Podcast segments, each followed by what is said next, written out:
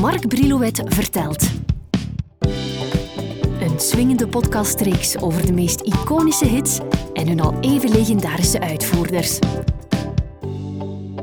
U zal misschien een beetje vreemd hebben opgekeken, en terecht hoor, dat ik voortdurend over muziek praat, maar dat je geen muziek hoort, hè? geen nootmuziek zelfs. Tenzij onze Kentjoen die we speciaal hebben laten componeren. Dat heeft alles en nog wat te maken met het respecteren van de auteursrechten. Net zo goed als we hopen dat u op uw beurt de rechten van onze inbreng respecteert. Die rechten worden in ons land beschermd door de vereniging SABAM.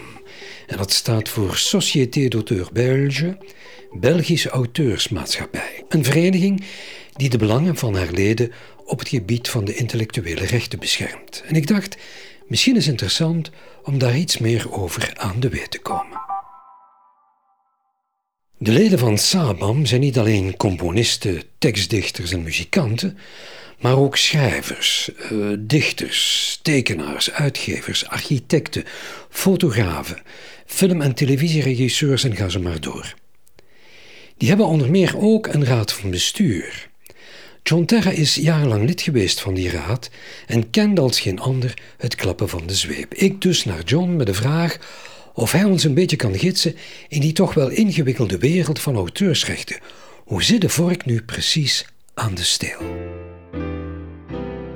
Saban, daar kom jij terecht in de raad van bestuur. Toen in de tijd onder aanvoering van Johan Verminnen, nadien Stijn Konings. Wat doe je daar precies en wat, wat, wat houdt dat in? Want de doorsnee mens weet dat niet. Ja, Sabam is dus uh, de, een, beheersmaatschappij van auteursrechten. Uh, en wat zijn auteursrechten? Dat zijn eigenlijk rechten die uitbetaald worden uh, aan mensen die liedjes schrijven of uh, die bezig zijn in, in, in de toneelwereld of in de fil filmwereld. Alles wat met kunst te maken heeft, kan vertegenwoordigd worden als je lid bent van Sabam door Sabam. En uh, ik als uh, auteur-componist ben altijd zeer geïnteresseerd uh, geweest in de belangenverdediging van auteurs en componisten. Op een gegeven ogenblik werd mij dan ook gevraagd of voorgesteld: wil je je niet kandidaat stellen en je nek uitsteken voor componisten-auteurs? Um, ja, ik zeg ja.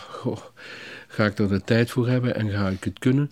Maar ik was al gauw gepassioneerd door uh, het gegeven, want de auteur en de componist staan uh, voortdurend in vraag en uh, moeten heel hard werken. Want auteursrecht is eigenlijk een uitgesteld loon. Om je een voorbeeld te geven, als ik een liedje maak en ik steek daar een dag werk in, of een week, of een maand, of soms meer en minder. ik heb 370 liedjes geschreven, waarvan als daar 10% hits van zijn geworden, dan betekent dat ook dat ik de energie en de tijd die ik in de andere nummers heb gestoken, dat die niet betaald worden op het ogenblik dat ik eraan werkte. Is niet gelijk een zelfstandige die gaat werken, die vraagt een uurloon. Uh, een auteur-componist die hoopt op een uitgesteld loon. Dus het auteursrecht is een uitgesteld loon. En een, een loon met heel veel vraagtekens. Uh, als het lukt, kan je geld verdienen. Als het niet lukt, dan heb je voor niks gewerkt. Dus uh, ik vond het belangrijk om die rechten die een auteur zou moeten krijgen, uh, in het beste geval, om die te verdedigen en om toe te kijken dat de bedragen kloppen en dat de verlangens of de, de pijnpunten die kunnen ontstaan in het auteursrecht, dat ik daar mijn steentje kan toe bijdragen. Als je een liedje schrijft, je poneert dat bij Saban, maar dat wordt geen hit of weinig uitgevoerd, verdien je dan niks?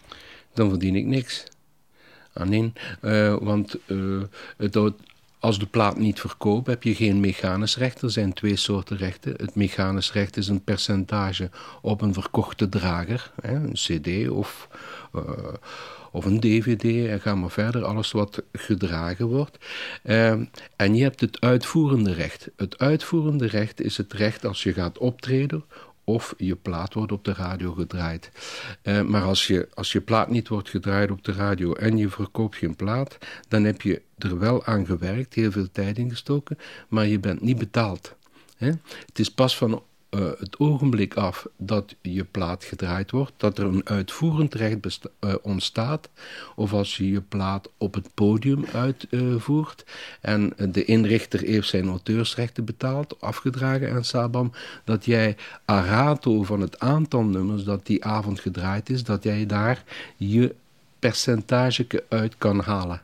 En uh, op het einde van het jaar worden die kleine, kleine, kleine bedragen opgeteld. En dan heb je voor jezelf een soort rugzak opgebouwd aan auteursrecht. Hoeveel belastingen worden daarop betaald? Uh, op auteursrechten is er nu uh, een akkoord bereikt dat tot een plafond van, van uh, 50.000 euro, dat daar 15% rorende voorheffing wordt opgegeven. Maar als je daarboven als je een, iemand bent die veel auteursrecht genereert, zoals uh, Wiltura, Adamo uh, en, en andere grote Belgen, ja, dan, dan zijn dat schalen waar je in terecht komt en dan kan dat wel zeer, zeer, zeer zwaar oplopen.